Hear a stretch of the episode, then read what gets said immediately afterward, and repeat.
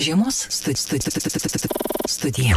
FM 99. Iš ties, mėlyje žiemos studija FM99 eterija ir šiandien mes džiaugiamės, labai didžiuojamės alitiškiais tai žmonėmis, kurie na, garsina ne tik alitaus vardą, bet apskritai už darbus yra įvertinti, nes įvertinimas kiekvienam žmogui yra labai svarbus. Ir štai vasario 16 dieną apdovanoti buvo Lietuvai labiausiai nusipelnę žmonės, štai ir Lietuvos didžiojo kunigaikščio Gedimino ordino medalių už aktyvų dalyvavimą formuojant verslo plėtros politiką, už atstovavimą smulkiajam ir vidutiniam verslui verslui prezidentas Gitanas Nausėda apdovanojo Lietuvos krašto verslininkų asociacijos prezidentę Dalę Matukienę. Labą dieną, gerbiamą Dalę. Labą dieną. Tai pirmiausiai leiskite jūs nuoširdžiausiai pasveikinti iš ties apkabinam, labai džiaugiamės ir didžiuojamės. Ačiū labai. Ačiū. Dalė, ar tikėjotės to apdovanojimo, ar, ar džiaugiatės įgavusi? Na, aišku, kad labai džiaugiuosi, e, o, o, o tikėjimasis, tai žinot, dirbigi vis dėlto ne dėl apdovanojimų, ir, o dėl to, kad šitoj šalyje gyventi e, paprastiems žmonėms ir verslui, e, kurį atstovauju, būtų šiek tiek lengviau ir paprasčiau. Tai dėl to dirbiau, o ne dėl apdovanojimo, žinau. Mm. Iš ties, bet malonu, ar ne, kai, kai įvertinimas, juo labiau, kai toks yra įvertinimas, gal tai tampa na tokiu lengvesniu kažkokiu žingsniu, gal kažkoks lengvesnis kelias atsiveria, ar čia tiesiog tik tai iš to rožinio pasaulio? Kaip ne, jūs matote? Iš tikrųjų, manau, kad ne iš to rožinio pasaulio, o tiesiog tas įvertinimas irgi suteikia tam tikrą, tam tikrą svorį, mhm. tada kai sakai, kad uh, atstovauji, uh, sakykime, verslą ar, ar kažkokią visuomeninę organizaciją, ar, ar galų galę tą kažkokią mažą įmonėlę, tai nu, tiek galvoja, kad, kad galbūt ir tavo tas balsas yra svarbus ir, ir kad iš tikrųjų galima padaryti šiek tiek daugiau negu iki šiol darė. Dalė, jeigu galėčiau jūsų klausti, dėl ko labiausiai dalį Matukieniai, Alitaus krašto verslininkų asociacijos prezidentai, skauda ir kas labiausiai džiugina ir teikia vilties, kalbant būtent apie verslą Alituje, Alitaus krašte? Žinot, Alitus tapo kažkelintų miestų Lietuvoje. Ir tai, kad Alituje uh, mažėja žmonių, uh, mažėja uh, verslo ir ypač su tokiais visokiais sunkumais sus, susidurė smulkus verslas. Ir va šitas labiausiai, labiausiai iš tikrųjų jaudina ir skaudina. Ir tų problemų yra tikrai labai daug. Tai yra ir, ir sakykime, grinieji pinigai. Mhm. Ir dabar uh, verslai turi, turi tų paskolų dabar pradėjo didėti, didėti palūkanos.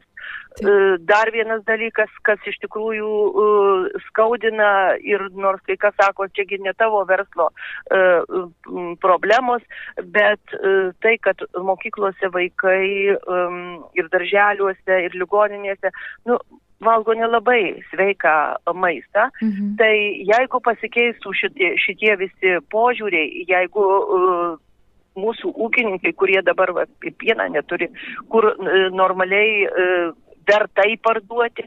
Mm, tai jeigu pasikeistų šitie dalykai, jeigu galima būtų iš smulkiųjų ūkininkų, iš uh, smul, uh, smulkiojo verslo galima būtų gauti iš tikrųjų ir paslaugas, ir prekes, tai ir verslai sustiprėtų, ir mūsų vaikų sveikata, ir ligonių sveikata pagerėtų.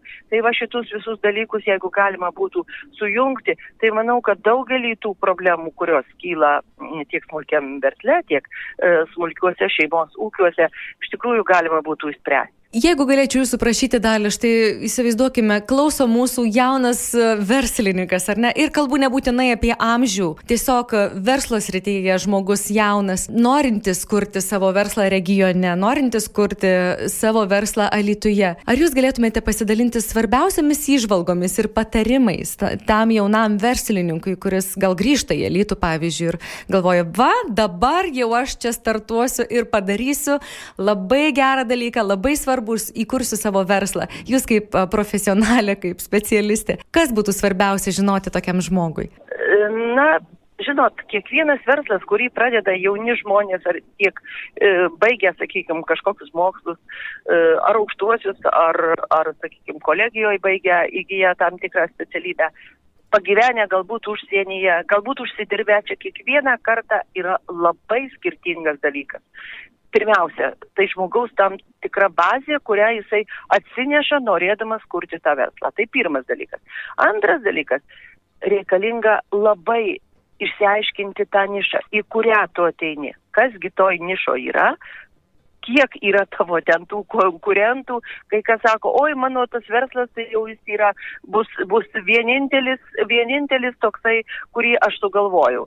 Nu, iš pirmo žvilgsnio galbūt atrodo, kad jisai tikrai yra vienintelis, bet jeigu giliau pasigilinti, tai suprasti, kad to, tų, tam tikrų yra čakų ir yra tam versle. Tai, tai iš tikrųjų va šitas dalykas, dar kitas dalykas, kurį reikia labai gerai žinoti.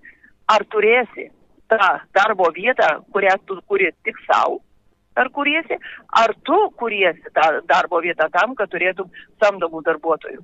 Ir va tada dar vienas žmogiškasis faktorius prisideda. Kaip tu sutarsi, kokiu, kokias kompetencijas tie žmonės turi uh, atsinešti tavo kompanijai, tavo verslą. Ir paskutinis dalykas, kuris aš nežinau, kuris ten toj eiliai, uh, uh, nes, sakau, kiekvieną kartą yra labai individualu, tai yra finansavimas. Iš mhm. kur tu tą finansavimą gausi ir kur tu tą verslą vystysi. Tai va visi šitie dalykai, nu jeigu atsakai savo į kiekvieną tą klausimą, kas ateina pas mane konsultuotis, tai aš duodu jiems tokį lapą.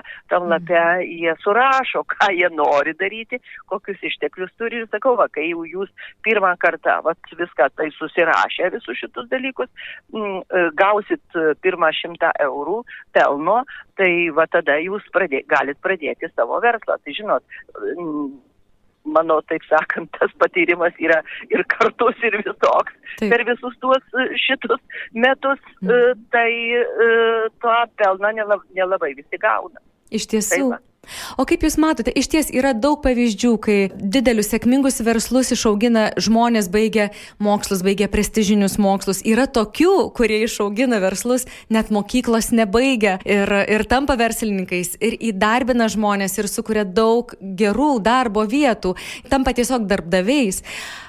Ar tapti verslininku, sėkmingu verslininku yra sėkmės faktorius? Ar tai yra svarbu tai tikrai didelis išsilavinimas, ar vis dėlto verslininku galima ne tik tapti, bet ir gimti su ta gislelė verslininko?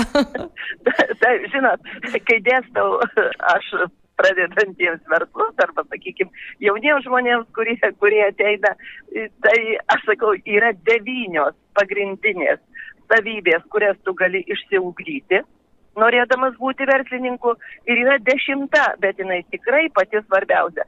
Tai yra, tu esi verslininkas nuo Dievo.